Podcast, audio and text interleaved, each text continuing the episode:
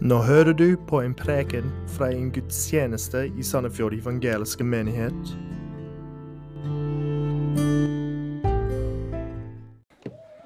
Morning, church. Nice to see you all. Really nice to see so many children here today. Uh, they are most welcome. A fruit of the womb, a reward. And so um, we can handle a little bit of noise, that's no problem. If you feel like it's uh, too much, maybe, we also have the back room where the sermon's going through. But it takes a lot for a kid to get louder than me, so just so you know.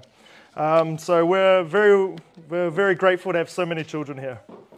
So, question for you What is the most damage that has happened to you or someone around you because of your forgetfulness? I guess many of us have situations when our forgetfulness has caused inconvenience. For example, leaving your wallet at home when you go to Rema 1000, misplacing your car keys, forgetting a password, so you need to click, I have forgotten my password, email me another one. Sometimes our forgetfulness can cause emotional hurt. Forgetting an anniversary, forgetting a birthday. If anyone wants to sign up to be the birthday reminder from our church, please do that. we, uh, I'm sure we need that. Bastian's birthday yesterday. Gratulera. Oh, he's not here, but say happy birthday to him when you see him. Other times, forgetfulness can cause extreme damage to those around us. Forgetting to put the candles out or turn off an oven, which can then lead, lead to a house burning down or even worse. And uh, the Bible's full of situations where uh, God's people has forgotten his promises and it has not gone well for them. Our passage today, if neglected by us or if forgotten by us, can lead to real spiritual and physical devastation to ourselves and the lives of those closest to us. So can you open your Bibles to 2 Peter chapter 1? I'll be going to be going through two verses today from 2 Peter.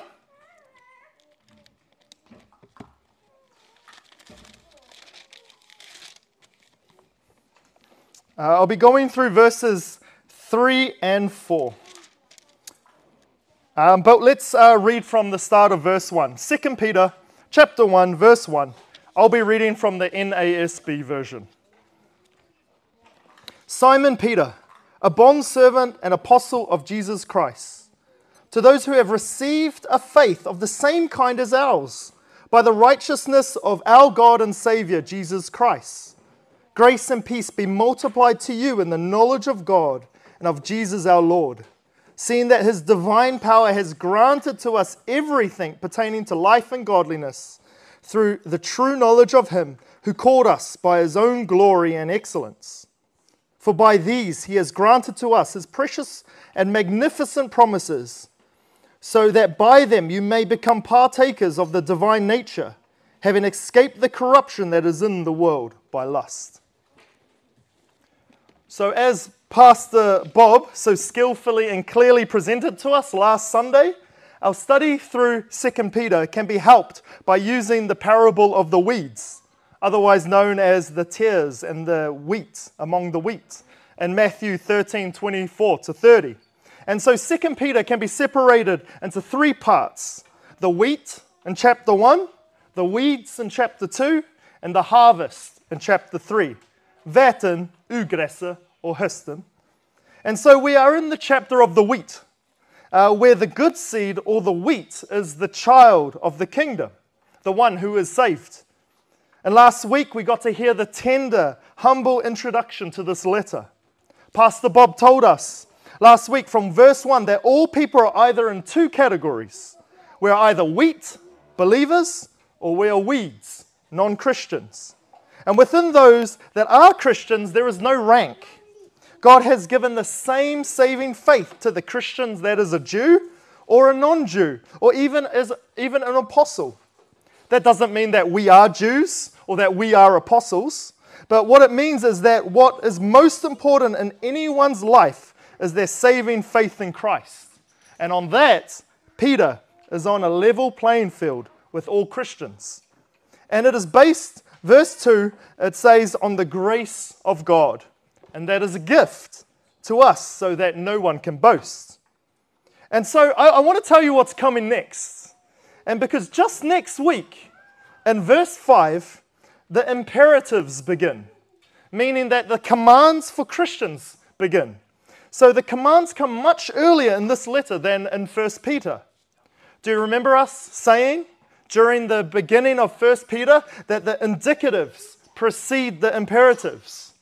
Do you remember what that means? What did it mean? It was a weird sentence in English. But what it means is, is that knowing what God has done for us comes before what God requires of us.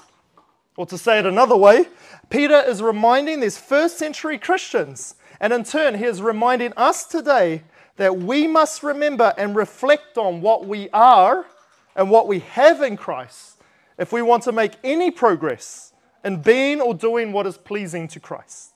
And this is the very core of the Christian faith, the center of it, that understanding and believing the gospel comes before we do anything pleasing to the Lord.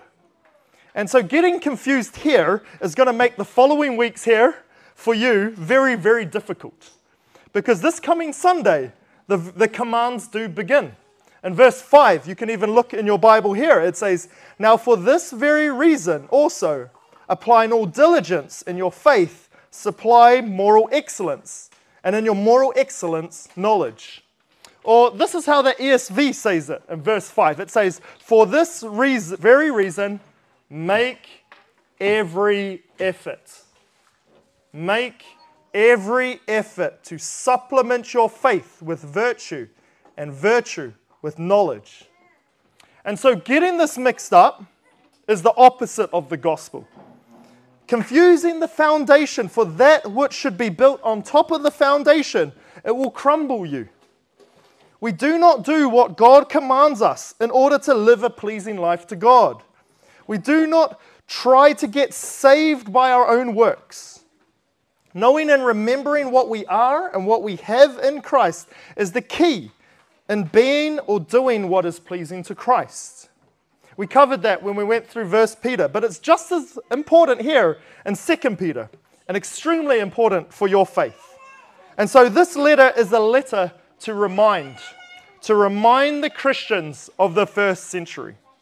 So have a little look down in 2 Peter uh, chapter 1, verse 12 to 15. I'm just going to read that for you. It says, uh, Therefore, I will always be ready to remind you of these things, even though you already know them and have been established in the truth, which is present with you. In verse 13, it says, I consider it right, as long as I am in this earthly dwelling, to stir you up by way of reminder knowing that the laying aside of my earthly dwelling is imminent, as also our Lord Jesus Christ has made clear to me. And I'll also be diligent that at any time after my departure, you will be able to call these things to mind. So, Peter here, he knew he wasn't going to be around for much longer.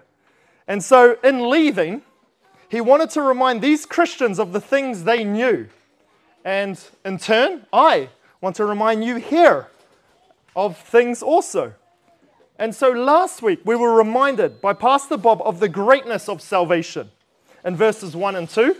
And today in verses 3 and 4, we need to first remember we have power to change. That's going to be in uh, the first part of verse 3. Two, we need to rem- remember what it is that will help us change. And that is uh, in the end of verse 3, at the start of verse 4.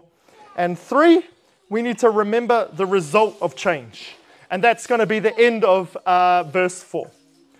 And it's absolutely essential that we remember these because who we are in Christ and what we have in Christ is what will help us to live the Christian life well. All right, you ready? So the first point is remember we have power to change. And I'm going to read the first half of verse 3. It says this Seeing that his divine power has granted to us everything pertaining to life and godliness. Stop there. This may very well be one of the most difficult passages to believe. Shall we read it again? seeing that his divine power has granted to us everything pertaining to life and godliness. When it comes to life and godliness, we must have everything provided for us from outside ourselves. It says in verse 3 that it is His divine power. But not only that we need something from outside of us, but that which provides also provides everything we need. Really? Really, Peter? Everything?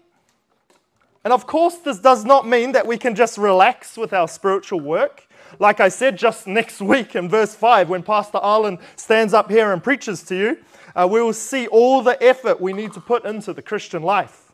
Or as Paul says in Philippians 2:13, work out your salvation, for God is at work in you. But it does show us that we could never be godly or attain eternal life if we do not rely on divine power. So, then what's the problem, Christian? And, and if I'm being honest, and I'm sure if you are being honest, this sentence sounds far too good to be true, right? What in the world does this mean? It is, can I, can I say this? It is almost aggravating, frustrating to read this in the Bible because that is not generally what we experience, right? Maybe just me? Am I alone in thinking this? How can you say this, Peter? And listen to how the NIV version says it. It says this His divine power has given us everything we need for a godly life. Uh, look in your Bible. What does it say in yours?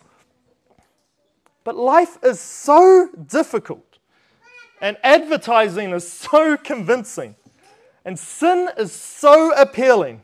God, how can you say that you have given us everything we need for a godly life? And if this is all available to us, then why is it so difficult to tap into it? It's like if there's a hose or a pipe. Uh, what is that? Uh, a von Schlange? What is that? Schlange von? What is it? A garden hose? Uh, what's that? Von Schlange? Schlange? Yeah. Like if it's a hose, right? If there's a hose or a pipe stuck into an unlimited fresh, pure water. And why does it feel like then, on the other side of the hose, coming out of it is just a couple of drops here and there? Or either the one telling us that, yes, there's a limited amount of fresh water over here, either that person is lying or that there really isn't much at all given to us for a godly life, or something has gone extremely wrong in the process. So, something is happening in this pipe that is affecting the water flow. Is it the pipe? Is the pipe too small?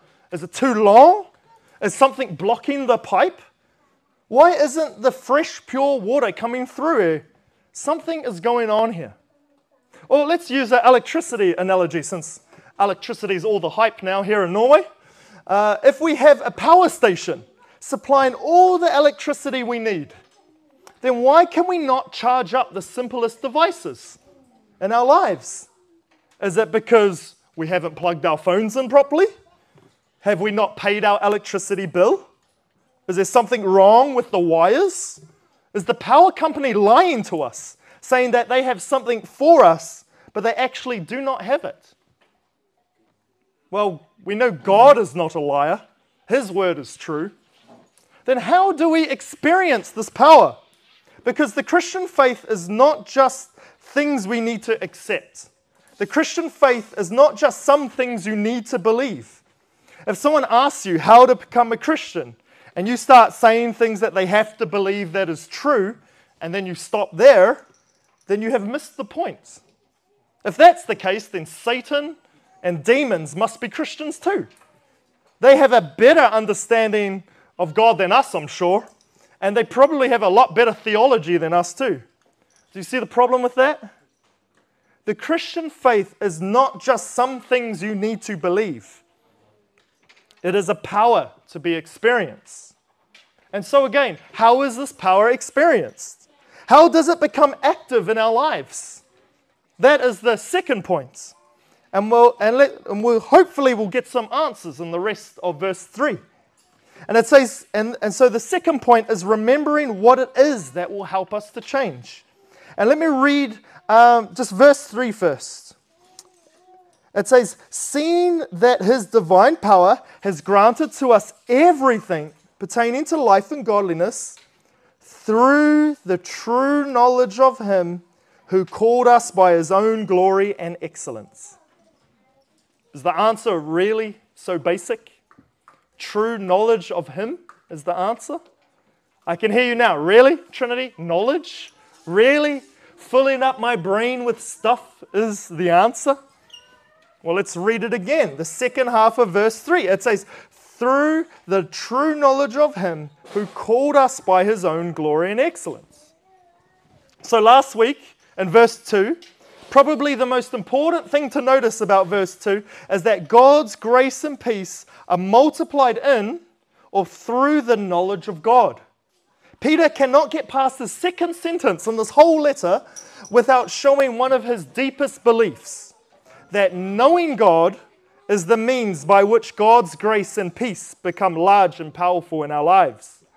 So let's read verse 2 again. It says, Grace and peace be multiplied to you in the knowledge of God and of Jesus our Lord. Listen to what John Piper says about this. He says, If you want to enjoy God's peace and to be the aroma, uh, the fragrance of His grace in the world, your knowledge of Him has to grow. Grace is not just something we store away, it is a power that leads to godliness and eternal life. And where knowledge of the glory and excellence of God is weak, grace does not flow. Okay, I'm going to say that last sentence again. And where knowledge of the glory and excellence of God is weak, grace does not flow. The channel, the pipe, the hose, the cable from God's infinite supply of grace into, our, into and through our lives is knowledge of God. We do not study the scripture for its own sake, but because, it, because through it comes the knowledge of God. And through that, grace and peace are multiplied in your heart, in the church, and in the world. And as, verse, and as in verse 2 from last week, grace is multiplied in the knowledge of God. So here in verse 3, divine power is granted through the knowledge of God. Here's an illustration that hopefully will be helpful to you. So think that you're a prisoner of war and you're in a concentration camp and you have lost hope. You have absolutely no hope left. And you have thrown away your morality. You don't care about your values or the things you stand for. You are so hopeless, locked in this prison. But then you learn that a prisoner exchange has been planned and you see the guard coming down the row, pointing to individual prisoners, calling them to follow him to freedom and family. It's not just a piece of knowledge when he points to you and calls you, it is power. The power of hope then would surge through your body because you know that you have been called. Verse 3, it says, Seeing that his divine power has granted to us everything pertaining to life and godliness through the true knowledge of Him who called us by His own glory and excellence. If we could but see the glory and excellence of God and know that our Creator has come close to us and said, You there, come. I'm going to show you my glory and give you eternal life to enjoy it. That would mean power the power of hope, and the power of godliness. And you probably you likely know this from your own personal experience. When you see God as glorious, as excellent, um, that is when you, it's when you know that He has, um, he has affections for you. That is when you have power to live as you should. And verse 4 says, For by these, the first part of verse 4, it says, For by these, meaning by his glory and excellence, he has granted to us his precious and magnificent promises. Okay, so let's get practical now. There are two clear ways from this passage for a Christian to get this power. How can we tap into it? And again, I guess the most important thing is, is that this power is for Christians. These are not promises for those who are not saved. So, first, are you in Christ? Have you repented of your sin? Do you trust that Jesus, the God man who came from heaven, became flesh, lived a perfect life, died for sins, and those who repent and believe in him and who follow him as Lord and Savior will be saved? Do you understand that he is coming back to judge the living and the dead? And that those who Christ has atoned will live for him, with him for all eternity?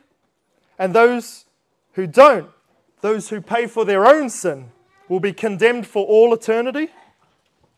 Do you live your life now longing to be obedient to Him? Well, praise God. If not, repent and believe, and you will be saved. Then commit your life to following and worshiping Him. And so the question comes again then well, how do we do that? How do we then live for Him once we are saved? Well, we need power because we, we know that it's available. And so, once again, how, how can Christians get this power? There's, there's two ways that I can see in this text. Well, the first way of getting this power is by having true knowledge of God. And by that, what I mean is, is real, legitimate, relational knowledge of God. This is different than just memorizing Bible verses or just, uh, just knowing things about God. There's many people who are not Christian who know a lot about the Bible. But it's as Bob said last week he didn't get to know his wife by reading a book about her. He spoke to her, he listened to her, he committed his life to her, he learned about her, and he shared about himself with her. And even now, after being married for so many years, he continues to do these things. He learns about her. He has a relationship with her. This is the kind of knowledge we should have of God if we want this power. Real relational knowledge, not just head knowledge. So, there's been some studies shown about how much time pastors spend praying a day. There are pastors, elders, and leaders and these are pastors and elders and leaders of Christian churches. Any guesses what the average amount is? How long do you think pastors on average spend a day in prayer? Call out something if you like. How long do pastors pray for a day? Any idea? 10 minutes? Got a 10 minutes over here. Anything else? Anything more generous? Between five and seven minutes a day. You would. You were being generous. It's no wonder churches are in the condition that they are in. Okay, how about this one? There's also been studies shown how much time parents spend quality conversational time with their children a day. Any guesses? Lots of parents here. Any guesses what an average number is? How long do parents spend of quality conversation with their children a day? Go on, call out. 15 minutes. Hmm. Anything else? 15? Fem? Surprise, surprise, it's about the same, between five and seven minutes a day per child. No wonder families are in the condition that they are. Last question. You don't have to call out the answer to this. How long do you, Christian, spend a day praying to God?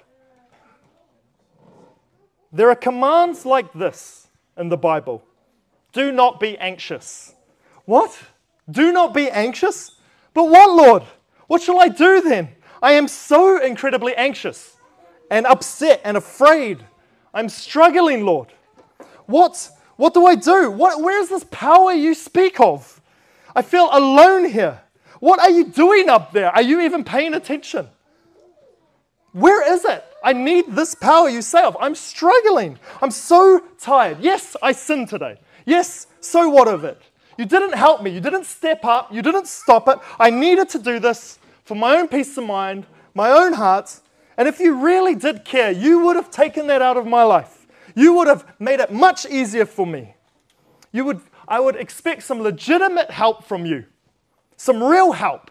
You would fix it if you actually cared. And you get angry at your work, at your spouse, at your family. You get angry at your church, at your neighbors, at those driving in front of you on the road. And you get crushed under the pressure of life, the lack of sleep. You eat junk food to try and cheer you up, but that just makes you feel worse. The constant noise around you, it gives you headaches, and you wonder, where is God? Where is this power? Where is it? I do not feel it.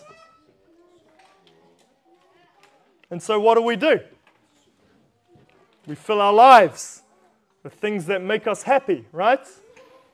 A lot of them don't actually make us happy, but we, we fill our lives with things that make us not think about our biggest problems. We do things to numb our pain. We could be anything. Could be entertainment. Could be alcohol. Could be food. Because we believe that God has gone silent in our lives. And you think, I guess, well, I guess I'm not worthy of this power that stands here in this verse. I guess I'm just a failure. And yet, the command, do not be anxious, does not stand alone in Philippians 4, verses 6 to 7. Yes, it does say something that you must not do. This says, do not be anxious, but it gives you something that you should do to help you, and a promise that God will do if you follow it. What does God's word say? Philippians 4 6 to 7. Do not be anxious about anything, but in everything by prayer and supplication with thanksgiving. Make your requests known to God. Then the peace of God, which surpasses all understanding, will guard your mind and heart in Christ Jesus. This is not, you got to hear me right. This is not a sermon about me trying to get you to pray more because that's what you're commanded to do. This is not a sermon about me trying to tell you what is required of you and then leave you in the dark of where the power is. This is a sermon about me, about Peter and this, in this book, about Paul and Philippians, about God, about the Bible, saying that if you want peace, if you want power, you must know God. And you do that by knowing Him personally, knowing His promises, speaking to Him and loving Him, prioritizing Him. And then the peace of God will guard your mind and heart with power. You do not have peace or power because you do not know God as you should. You do not speak to God. You do not listen to God. You do not understand that His promises are for you. You here, you must know Him. You must speak to Him. And you must know that His promises are to you. If you're a Christian and you're sitting here and you're listening to me, there are specific promises for you here. And that is the second way we connect to this power. It is just that that you, Christian, must know that the, that the promises are actually for you, specifically you. it was amazing what power a sunny day in Ålesund would bring to the family. And if you've never lived in the west coast of Norway, it is very, very difficult to understand what it's like to constantly open your curtains in the morning and see rain day after day after day after day. Rain, rain, rain, rain. yes, I knew it. And I remember moving to Sandefjord, and I could not, I could not believe that it was possible to have a rainy day and not rainy weeks. Like going from a sunny day to a rainy one to a sunny one uh, it, was, uh, it was unheard of in Ålesund. Uh, well, at least in my memory, it was at least. And opening the curtains in Sandefjord after one rainy day and seeing a blue sky, it felt like a dream. Is this possible? And so in rainy Ålesund, if on a Saturday you opened the curtains and it was sunny outside and you looked around, couldn't see any rain clouds around, panic and excitement would fill our hearts and new power flowed into our spirits. And you might, under, you might think, why, why panic? Why, why panic of all things? Well, panic because you knew if you did not get out there in that sun, it will be gone and it will be a long time before you see any sun again. But if it was a beautiful day in Ålesund and you could not go outside, maybe you were sick, you couldn't decide what to do, or you had work to do, or meetings, or something like that, the beauty of the day and the fun that everyone else would be have outside in the sun, well, that may very well make you absolutely miserable. And so, why did I say this story? Well, here's the point the knowledge of the glory of God must be sure to us if it's going to carry any power. In other words, we must know it, yes, know that it's true, and believe that we, we are included in that. That the promises are ours and that the call is to us. A sunny day in Ålesund means nothing to the person living in Ålesund if you could not go outside and experience it. Just as a promise of God means nothing if that promise is not for us. Read verse 3 again with me. It says, Seeing that his divine power has granted to us, Christians, everything pertaining to life and godliness through the true knowledge of him who called us, Christians, by his own glory and excellence.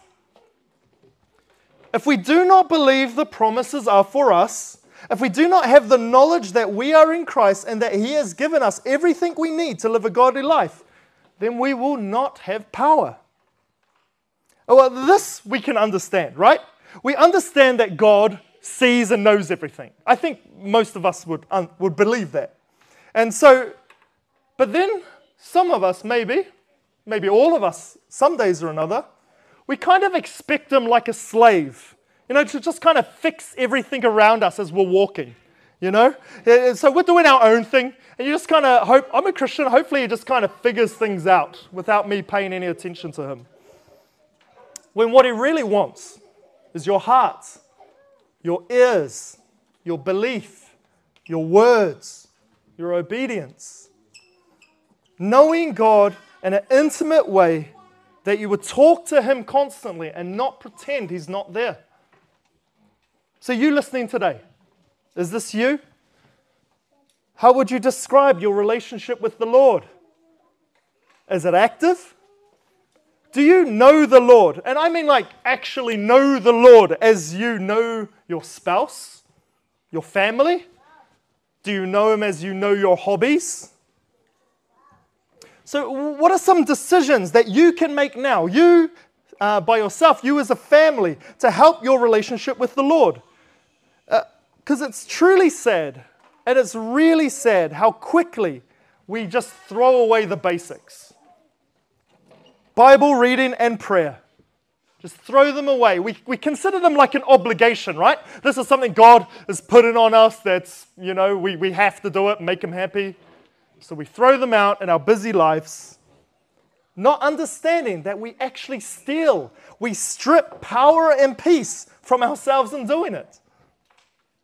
I'm not, and I'm, I'm not actually expecting any of you to go home today, get your calendar out, and be right, okay, I'm going to do one to two hours of praying each day, starting tomorrow, Monday, maybe extra one and two hours of Bible reading. Four hours, that should be good. No. Now, if you do that, that's great. Yeah, praise God. do that if you like. But I'm pretty sure that that might be too much for most of us, uh, especially in the where we're at in life right now. And I understand. Our church is absolutely full, praise God, of young families. It is extremely difficult. I'm acknowledging it right now. It's extremely difficult for our stage of life to keep the most important things in our schedule. It is absolutely heartbreaking to have conversations with fathers and mothers who are struggling in life. And when, when being asked, what are they reading in the Bible? What are they, how, what are they praying for? Well, it had been thrown out the window a long time ago in the busyness of life. No wonder.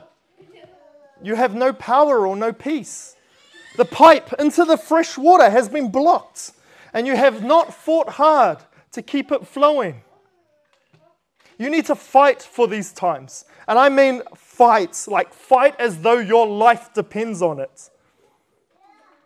And you, you in the church that um, have more time than others, you that don't have uh, 1 to 17 kids like the rest of us, right? You as well, you can help us as well. Uh, we, uh, the young kids would, we with young kids would love your help with washing, dishes, making meals, something, looking after the kids so that we can open our Bibles and pray. And I was very encouraged to call to call Jason one night. Hey, what are you up to? He's like, oh, I'm just babysitting for this, this family. Talk to Bob, what were you up to? Oh, I was just helping out this family, babysitting a bit. Oh, what a blessing that we have people that are doing this already. I'm not saying you're not. And I'm very, we're very thankful for all the help we can get. And also, a little comment to those of us that are busy with young kids in the church. What can we do? Well, first, Keep with your five minutes a day. Keep it. You, that you might already be doing and keep it consistent. That's a good thing. And just remember that you're just you're throughout the day, you're not just on video chat with the Lord, you're also on audio chat too, right? And what I mean by like that is that don't live your life thinking he's just watching you and judging you, just like your life is some reality TV show. Speak to him. Five minutes here and there. Five seconds, even. Five seconds here and there. On the way to the car. Just before a meeting. In between YouTube videos, even. I don't know, just a quick prayer to ask for help and strength and to praise Him. Just five seconds to remember a Bible verse, such as this No good thing does He withhold from those who walk uprightly. Let's have five seconds right now. Think of that verse and thank God for that verse. Help him, ask him to help you to believe that verse and to walk uprightly. Five seconds. Let me say the verse again. No good thing does he withhold from those who walk uprightly.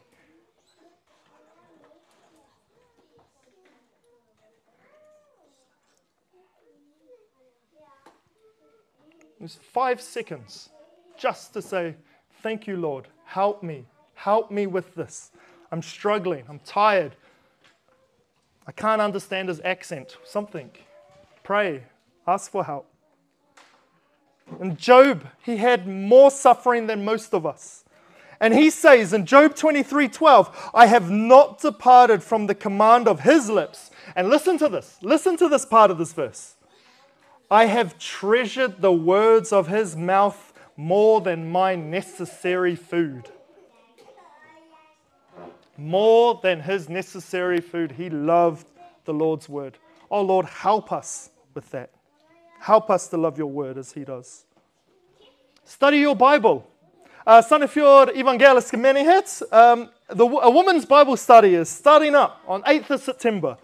Uh, every second Thursday evening uh, from 7 p.m. to 9 p.m. Uh, what a great way for the women to come together and encourage one another in Bible and in prayer. Such a great means of grace and power and peace. Please, ladies, try and prioritize this. And some won't. I understand that, and you've got things going on, but, but I also know that you're busy. Have this time to, to feed on the word, to pray, to get encouragement from others. I know it won't fit for everyone, but at least try and prioritize it. Prioritize something. And we as men, uh, the women are far ahead of their game than us. But we also want to be more consistent with something for the men really soon, too. And I pray that it'll be a great time also to talk about life, Christ, Bible, the promises, and the Word, and to pray for one another. And, th- and, and even just throughout the day, okay, you can't make it to the Bible study. Okay, okay, that's fine. But maybe just throughout the day, just do as Jesus did and just slip away to pray. Just say to yourself, you know, I'm going to waste this time anyway. Um, uh, so what am I go- what am I going to do with this time? Well, actually, I'm going to meditate on the scripture. I'm going to be conscious of the Lord while I'm thinking of the scripture. I know that His work's here. He's listening to me. And, or I'm going to just pray to Him. And I'm going to just slip away for a little moment to pray. It could be five minutes here and there, before meetings, after meetings. And you'll be surprised how much that will add up throughout the day. Jesus says in John 15 5, I am the vine, you are the branches. The one who remains in me and I in him bears much fruit. For apart from me, you can do nothing. If you want to continue doing nothing and not bearing fruit, then don't prioritize this. If you like to bear fruit, there's a promise here. Be with him, abide with him, talk with him. Know your God, know him daily, and know the love and know and love his promises for you. All right, so the first point was remembering we have power to change. That was the first part of verse 3 power promised by God, who does not lie. He's not lying here. His divine power that has given us everything we need for a godly life. Two, the second point, remember how to tap into this power. And the end of verse 3, start of verse 4, it is knowledge of God, true relational knowledge that uh, leads to true relationship and connection with the Lord and His promises. And then finally, the third point is the end of verse 4, and that's to remember the result of change. I'm going to spend much less time on this, on this one here. Um, so, verse 4, it says, So that by them you may become partakers of the divine nature, having escaped the corruption that is in the world by lust. So, here we have two good results of knowing God. One of those good results is stated positively, and the other good result here is stated negatively. So, first, Christians might part- participate in the divine nature, partake in the divine nature. Uh, secondly, Christians might then escape the corruption of the world caused by lust, by evil desires.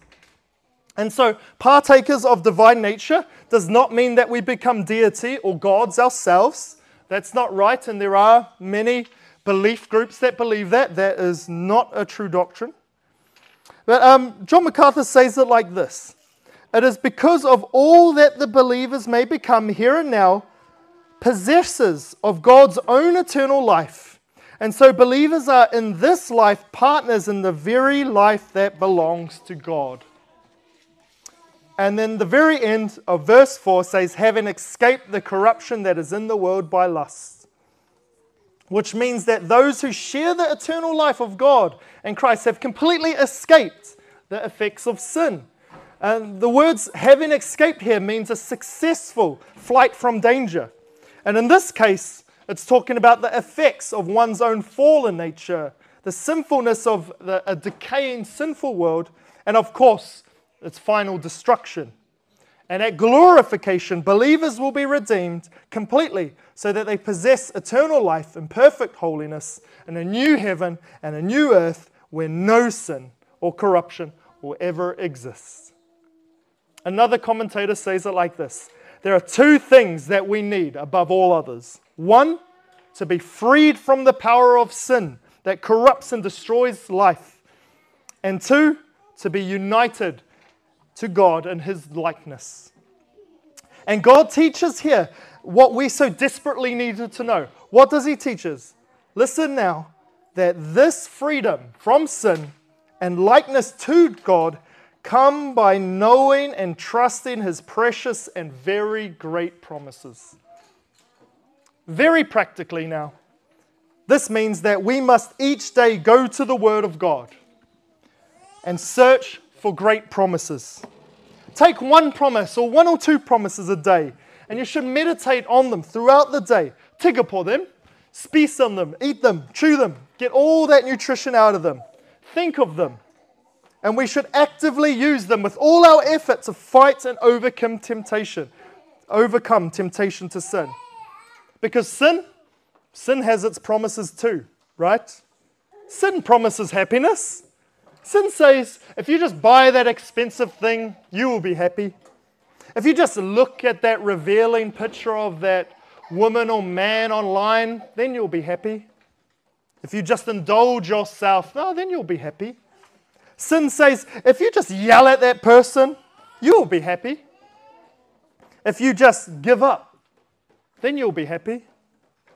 If you just stay home, not go to work, not go to church, oh, then you will be happier.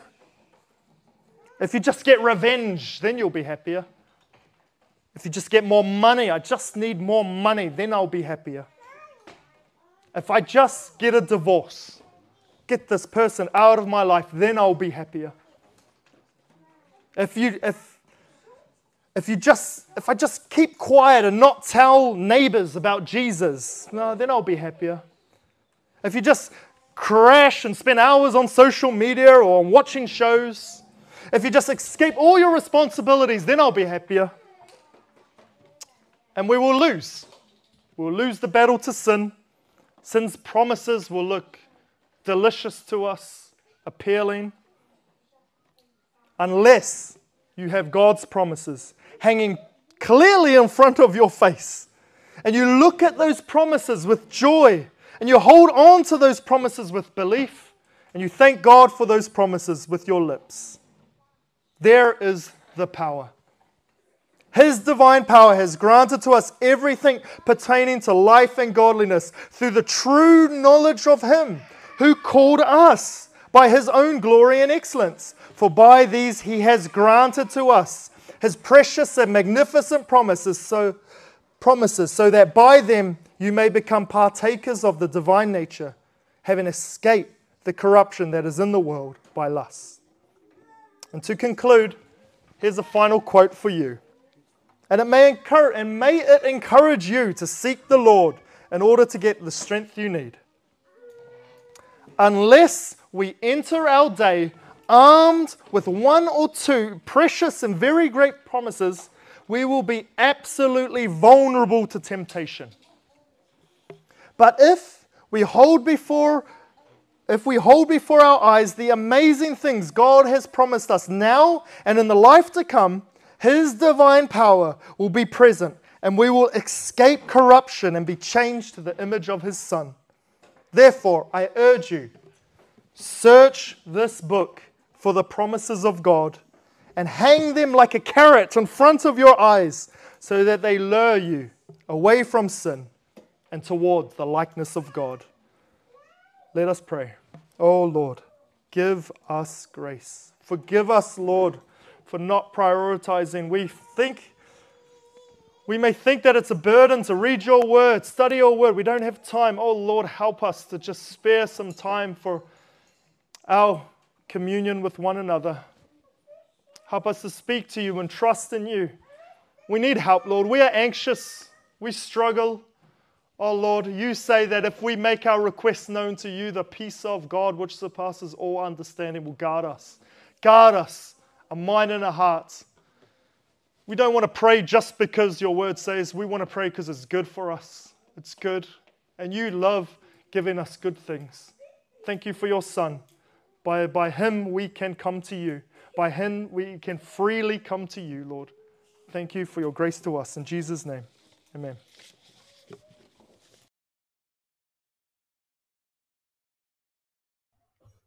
Takk for at du hørte på denne prekenen. Ønsker du mer informasjon, besøk sandefjordevangeliske.no eller vår Facebook-side Sandefjord Evangeliske Menighet.